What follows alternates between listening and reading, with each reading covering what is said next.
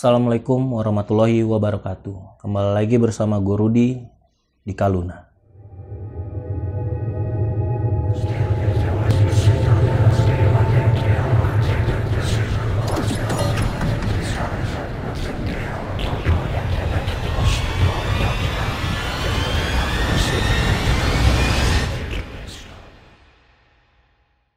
Cerita kali ini berawal dari tiga orang pemuda di daerah Jawa. Mereka ini bernama Ari, Igo, dan Fajar. Mereka adalah siswa kelas 12 atau kelas 3 SMA. Nah, berawal dari sebuah kedai kopi, Fajar dan Igo berniat untuk mengajak Rian pergi mendaki gunung Merapi di daerah Jogja. Tawaran ini merupakan suatu tawaran yang tidak wajar buat Ari. Kenapa? Karena Igo dan Fajar ngajaknya itu besok pagi. Berat untuk Ari mengiyakan langsung. Kenapa? Karena Ari besoknya ada kerjaan dari ayahnya. Nah lalu Fajar bilang sama Ari, ya udah gini aja, kita berangkat duluan berdua, nanti lo nyusul, karena kan lo udah biasa nih mendaki Gunung Merapi. Lalu nggak tahu ada angin apa, Ari menyanggupi tawaran dari Igo dan Fajar. Nah, kemudian keesokan harinya, suatu pagi, Ari minta izin nih sama orang tuanya. Dia bilang sama orang tuanya, bukan izin untuk mendaki Gunung Merapi, tapi minta izin untuk menginap di rumah temannya yaitu Anton, karena Anton ada acara sunatan adiknya. Jadi ada acara yang mengharuskan Ari dan teman-teman lain menginap di rumah Anton karena ada acara lagi malamnya untuk bergadang seperti itu. Kemudian singkat cerita dibolehkan oleh orang tuanya lalu Ari sebelum berangkat dikerja dulu. Uh, ada kerjaan dari bapaknya. Selesai kerja dia nelfon Fajar dan Igo. Ternyata teleponnya nggak diangkat nih. Dia berpikiran oh ya udah mungkin mereka udah nanjak. Karena waktu itu udah siang. Lalu Ari memutuskan untuk ya udah di jalan aja. Nah, hanya berbekal yang sederhana, hanya tas dengan berisikan sleeping bag dan logistik seadanya, karena dia kan tadi niatnya untuk menginap di rumah Anton. Jadi berangkatlah dia menuju Selo. Sesampainya di base camp, dia melakukan simaksi dan lain sebagainya mempersiapkan untuk mendaki kemudian setelah semuanya rampung dia mulai pendakian nah pendakian pertama tujuannya adalah ke pos 1 jelang 15 menit dia berjalan dia bertemu dengan penduduk sekitar kita sebut saja namanya Pak Gun nah, Pak Gun ini menyapa Ari Le mau ke mana kok sendirian kata Pak Gun seperti itu Lalu Ari menyapa balik. Iya pak, saya mau mendaki. Sebenarnya saya sudah ditunggu oleh teman-teman saya di Pasar Bubrah. Oh gitu. Nah, di sini keanehan pertama terjadi. Kenapa? Karena Pak Gun, orang yang tidak dikenal Ari, menitipkan pesan kepada Ari. Suatu pesan yang menurut dia adalah pesan yang aneh. Karena yang tadi gue bilang, Ari orang yang sudah biasa naik Gunung Merapi. Pesan Pak Gun seperti ini. Le, kamu kalau mendaki, tetap teguh pada pendirianmu yaitu tujuanmu pasar bubrah, bertemu sama teman-temanmu. Apa pun yang terjadi, kamu tetap teguh pada pendirian yaitu tujuanmu ke pasar bubrah. Itu pertama. Yang kedua adalah jika nanti di sana kamu bertemu dengan pasar, diharapkan untuk kamu membeli walaupun cuma satu barang. Aneh untuk si Ari. Tapi ya udahlah, Ari bilang, "Baik, Pak, terima kasih pesannya. Saya izin jalan dulu ya, Pak." "Baik, Le, hati-hati," kata Pak Gun. Lalu dilanjutkan perjalanan Ari menuju pos 1. Selama perjalanan menuju pos 1, tidak terjadi apa-apa. Nah, sampailah dia di pos 1. Waktu itu sudah maghrib. Nah, Ari memutuskan untuk istirahat dulu selama 10 menit.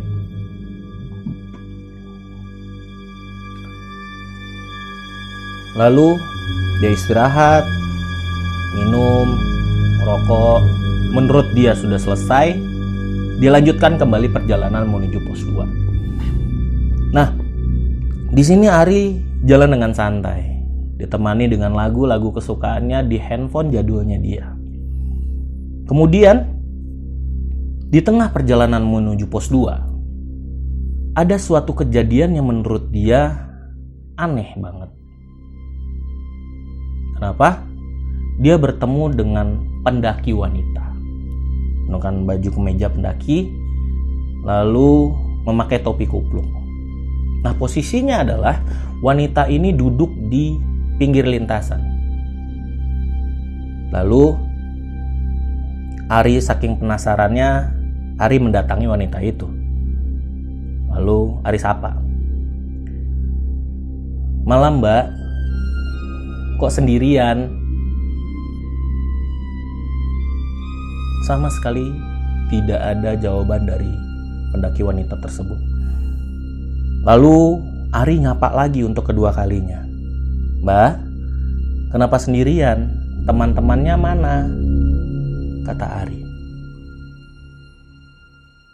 Sama, nggak ada respon dari pendaki perempuan tersebut posisi pendaki perempuan itu duduk di pinggir lintasan seperti ini, lalu wajah agak ditekuk ke bawah. Lalu Ari penasaran banget nih, kenapa nih Mbak sama sekali nggak ngerespon dia. Nah, Ari punya senter di tangannya. Nah, saking penasarannya lagi, Ari nyinarin senter, cahaya senter ke bawah untuk ngeliat uh, wajah dari mbaknya ini. Karena sekali lagi wanita itu mukanya ditekuk. Lalu diarahkan senter ke bawah supaya nggak langsung kena muka. Saat diarahkan cahaya senter ke bawah Ari melihat muka pendaki wanita ini pucat pasi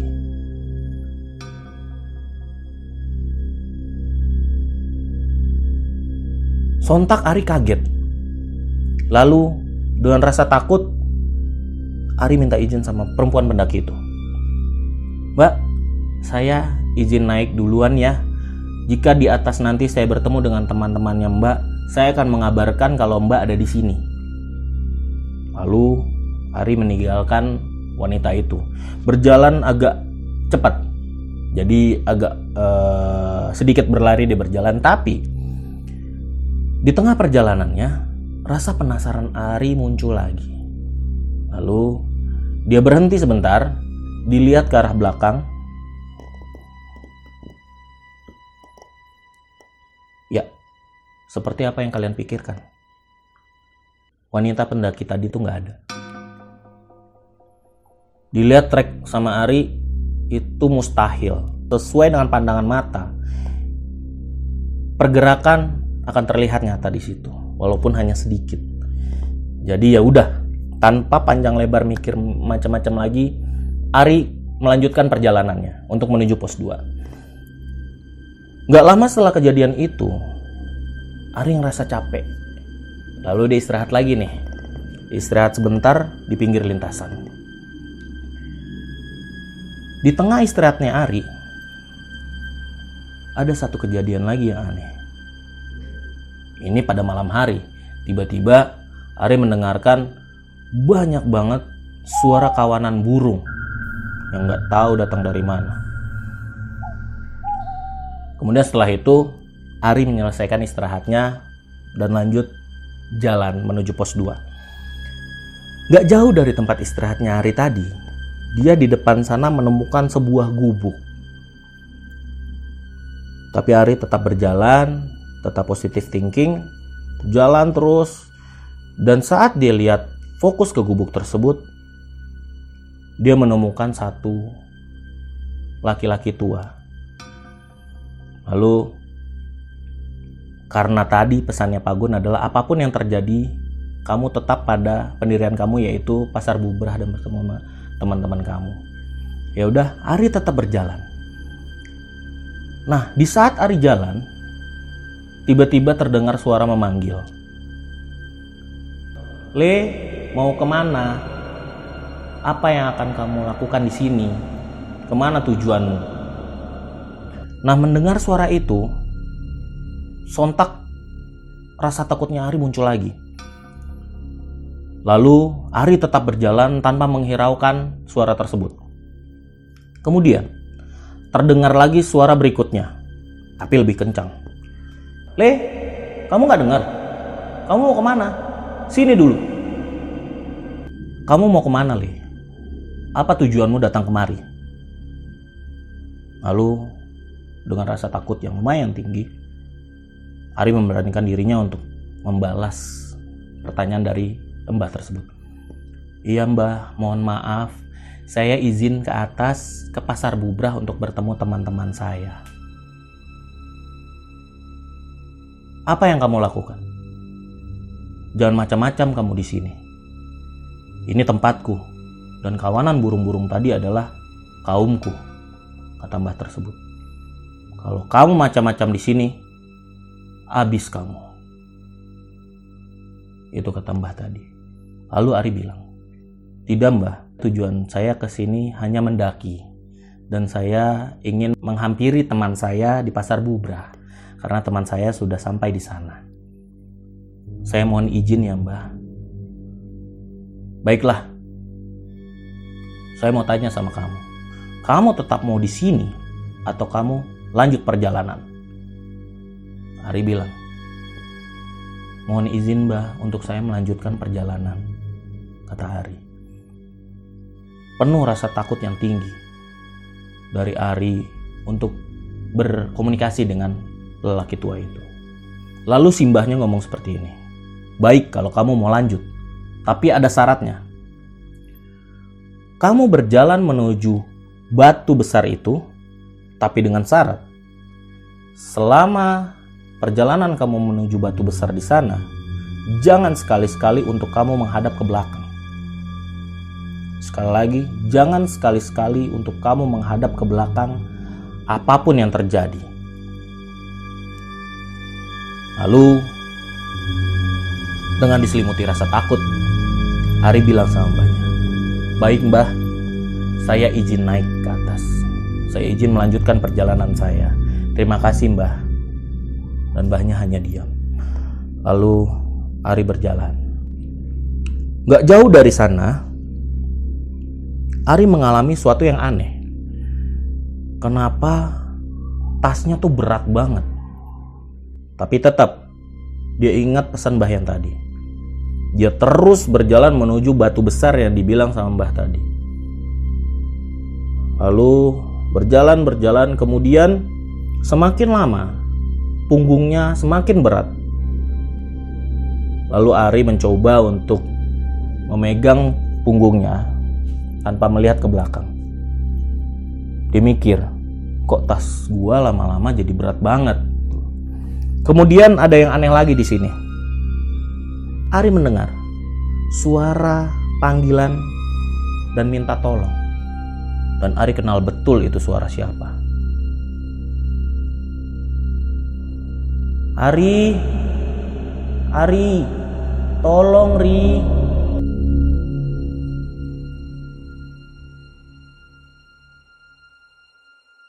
Begitu kata suara tersebut. Lalu sekali lagi Ari tetap teguh pada pendiriannya dan tetap berpegang teguh pada ucapan Mbah yang tadi. Apa pun yang terjadi jangan pernah melihat ke belakang.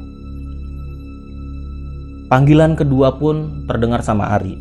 Ri, tolong Ri. Ari tetap menghiraukan uh, panggilan tersebut. Dia tetap berjalan uh, dengan tujuan batu besar yang dibilang sama Mbah tadi. Dan sesampainya di batu besar tersebut, selangkah maju ke depan, Timbul rasa penasaran Ari yang tinggi. Kenapa sih gue gak boleh banget ngeliat ke belakang? Dan kenapa punggung gue tuh berat banget? Di sini, hal yang aneh terjadi. Di saat Ari melihat ke belakang, kalian tahu apa yang dilihat Ari? Ari ngeliat kalau di belakang dia itu adalah jurang. Kaget Ari kaget-kagetnya.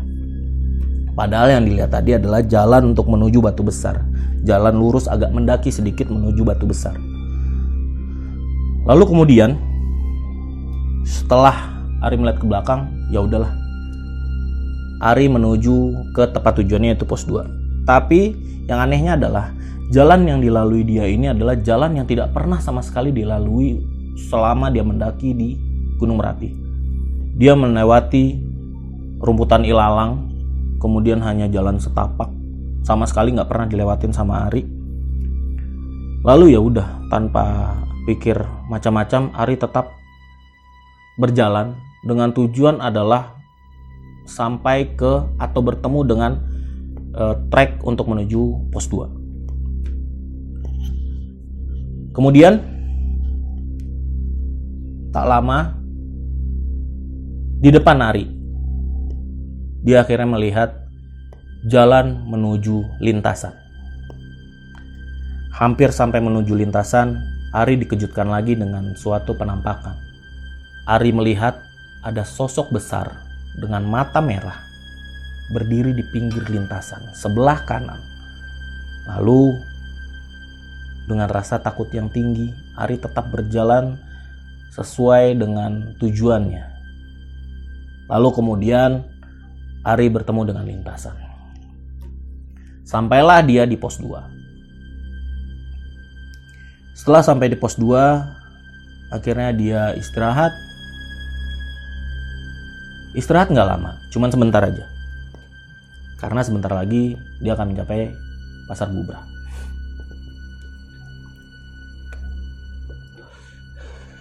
Selama perjalanan Ari sampai pasar Bubra, sama sekali nggak menemukan hal apa pun. Lalu singkat cerita, sampailah Ari di pasar Bubra yang merupakan pos terakhir menuju puncak Gunung Merapi. Sesampainya di sana, Ari melihat suatu keanehan. Kenapa? Karena selama perjalanan tadi, Ari sama sekali nggak ngeliat orang lalu lalang atau pendaki lain selain dia. Tapi, sesampainya di pasar Bubra, banyak kawanan tenda yang mendirikan camp di sana. Ya udahlah, tanpa pikir panjang dan dia udah capek banget bertemu dengan hal-hal yang aneh tadi dia mencari tenda dari Fajar dan Igo. Dia hafal betul tenda teman-temannya itu.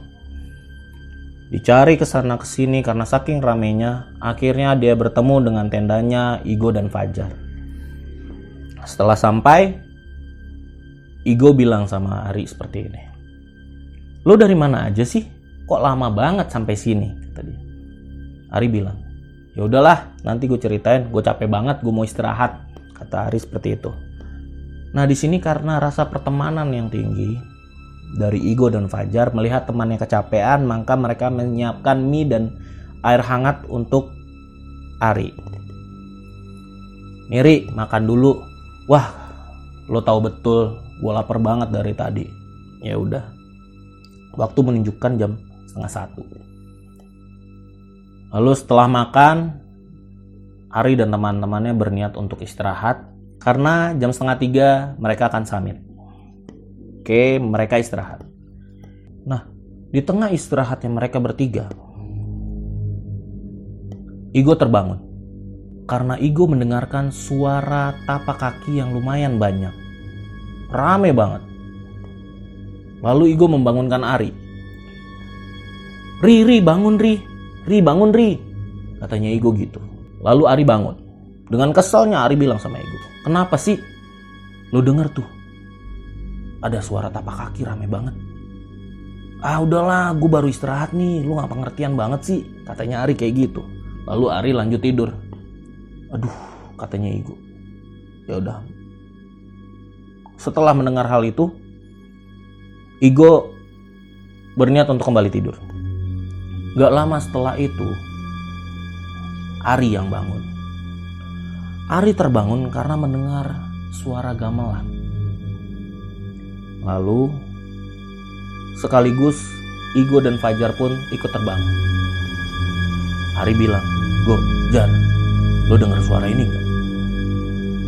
Iya, gue denger, katanya Fajar kayak gitu.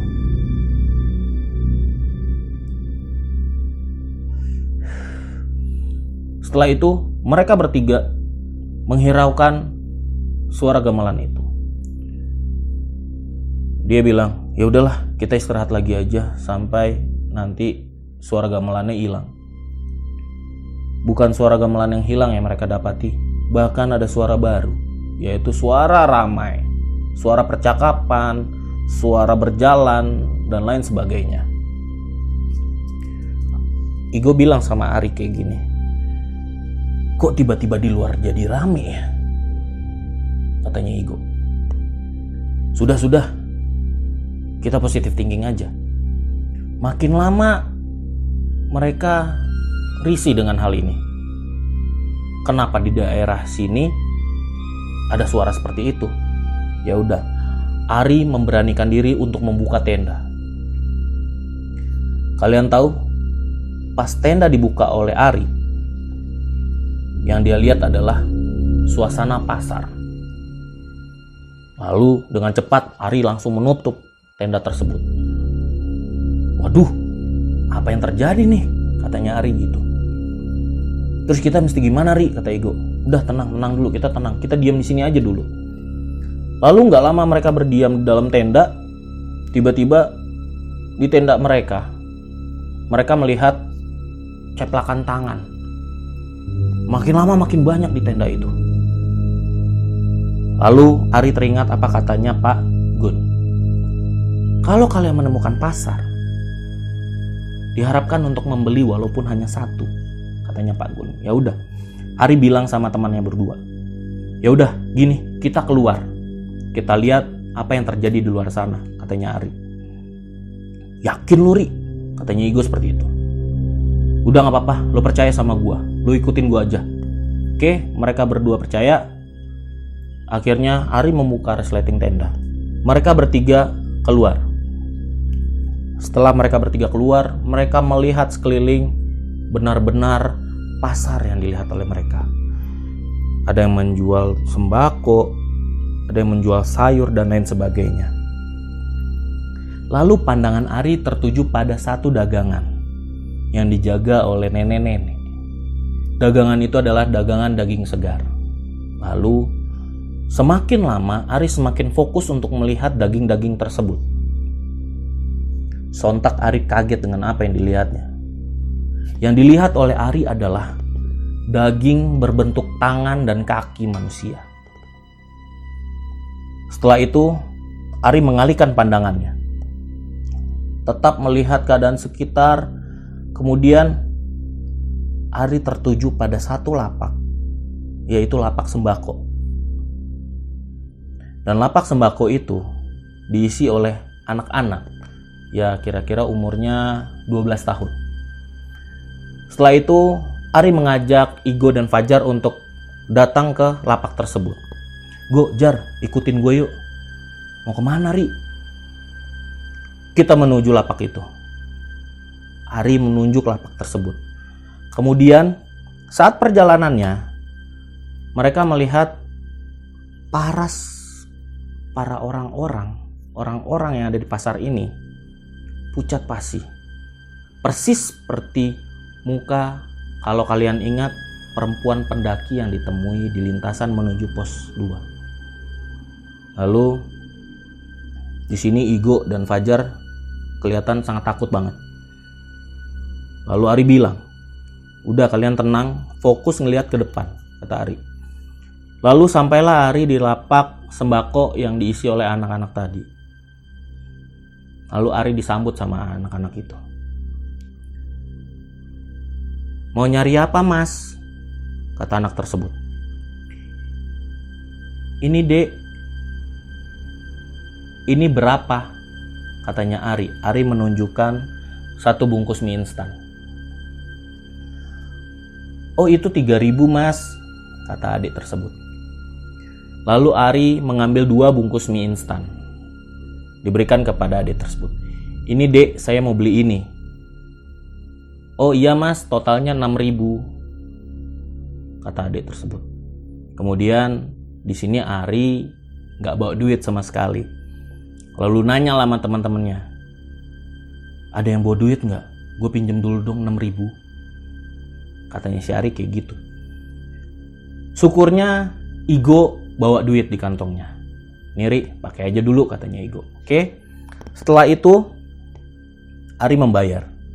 Kemudian anak-anak tersebut bilang, "Terima kasih ya, Mas," kata anak-anak tersebut. Lalu mereka bertiga memutuskan untuk balik ke tenda buru-buru. Ini dia. Di saat mereka ingin balik badan untuk menuju tenda, mereka balik badan. Tiga-tiganya kaget dengan apa yang mereka lihat. Mereka melihat semua orang di pasar itu melihat ke arah mereka dengan tatapan yang kosong, dengan muka pucat. Lalu mereka bertiga pun takut di sini. Tapi Ari tetap meyakinkan teman-temannya, "Yuk, buru-buru kita sampai ke tenda." Lalu Ari di depan mendampingi teman-temannya.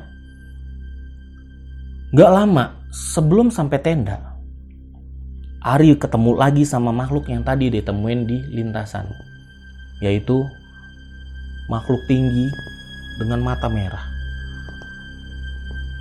Lalu Ari pegang tangan temannya sambil melihat ke bawah. Ayo cepetan. Kemudian sampailah mereka mendekati tenda. Nah lucunya, Igo dan Fajar pas udah nyampe tenda, udah mau nyampe tenda nih, mereka berdua lari duluan. Si Ari kesel banget nih. Wah, sialan. Udah deket aja, gue ditinggal, katanya Ari gitu. Ya udah, akhirnya mereka masuk ke dalam tenda. Sesampainya di tenda, mereka bertiga duduk, istirahat. Kemudian, gak lama mereka mendengar suara azan subuh. Lalu setelah itu, Ari berpikir, mungkin ini suara azan dari bawah. Nah, gue nggak tahu e, di pasar bubrah itu benar kedengaran suara azan atau enggak. Nah, bagi kalian yang misalnya di pasar bubrah pernah dengar suara azan, boleh komen di kolom komentar ya. Lalu setelah mendengar suara azan itu tanpa pikir macam-macam lagi, Ari dan kedua temannya langsung istirahat. Singkat cerita, pagi menjelang. Kemudian di sini Ari bangun terakhir nih. Pas Ari bangun, dia ngeliat pintu tendanya tuh udah kebuka. Uh, dengan pandangan yang minim, dilihat ternyata Igo sama Fajar tuh lagi nyiapin makanan. Ya udah, keluar Ari bilang sama Igo sama Fajar, guys, kayaknya kita turun deh. Tapi gue tanya lagi nih ke kalian, kalian masih mau samit apa enggak? Kalau kalian masih mau samit, ayo kita samit. Kalau enggak, kita turun. Lo gimana Jar? Katanya Ari kayak gitu. Gue turun deh, kata Fajar. Lu gue sama turun aja yuk kata Igo gitu akhirnya di sini Ari lega karena teman-temannya mau diajak untuk turun ke bawah dan semuanya setuju setelah mereka selesai makan mereka siap-siap menggulung tenda dan mereka turun ke bawah sama sekali tidak ada keanehan saat mereka turun lalu di tengah perjalanan menuju pos 1 Fajar. Fajar tuh muntah-muntah. Karena dia mencium bau busuk banget. Kemudian Ari melihat sekeliling, lihat ke sekitar. Lalu dia bilang sama Fajar begini, Oh pantesan. Makanya lo muntah-muntah, makanya ini bau busuk apa. Lo lihat di situ. Ternyata apa yang dilihat oleh Ari. Ari melihat sosok pocong dengan muka yang angus.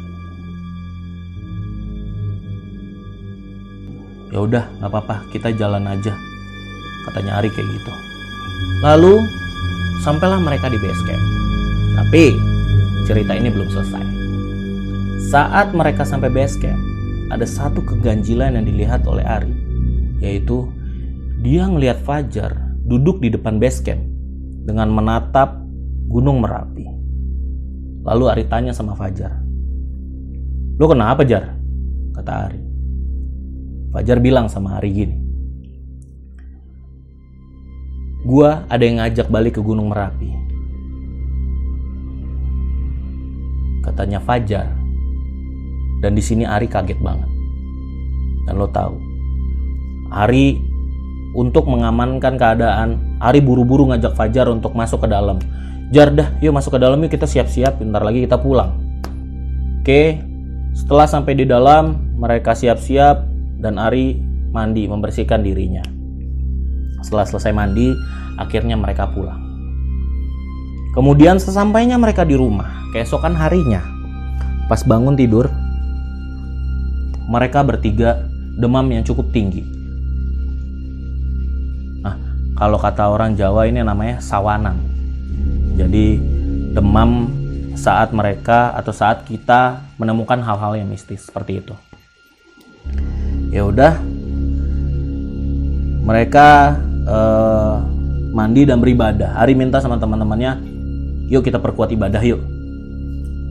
Setelah mereka bertiga sembuh, Ari teringat dengan bungkusan yang dia bawa dari Gunung Merapi. Diambil sama Ari di tasnya, pas dibuka sama Ari, kalian tahu apa yang terjadi? Apa yang dilihat sama Ari? Bungkusan yang tadinya adalah dua bungkus mie instan berubah menjadi daun dan batu. Untung aja mereka nggak makan itu di sana. Ya udah, akhirnya dibuanglah sama Ari yang mereka dapati di Gunung Merapi tersebut. Di sini kita bisa ngambil kesimpulan dari cerita ini pentingnya untuk menghargai suatu tempat. Tapi kalian ingat nggak? Ari kan sering nih bolak-balik atau sering mendaki Gunung Merapi. Nah, baru kali ini Ari dan ketiga temennya mengalami hal seperti ini. Nah, bagi yang tahu nih, tulis komen di komentar dong. Tapi kalau menurut gue nih ya, kalau menurut gue, ini semua karena Ari berbohong sama orang tuanya. Ya nggak sih? Soalnya dia bilang gini loh, Bu, Pak, aku minta izin untuk nginap di rumah teman, yaitu Anton. Nah, karena dia berbohong, karena dia yakin kalau dia nggak bakal diizinin untuk mendaki Gunung Merapi, jadi dia ngambil jalan untuk bohong. Nah, kedua temannya, kedua temannya ini mendapatkan efek negatif dari si Ari.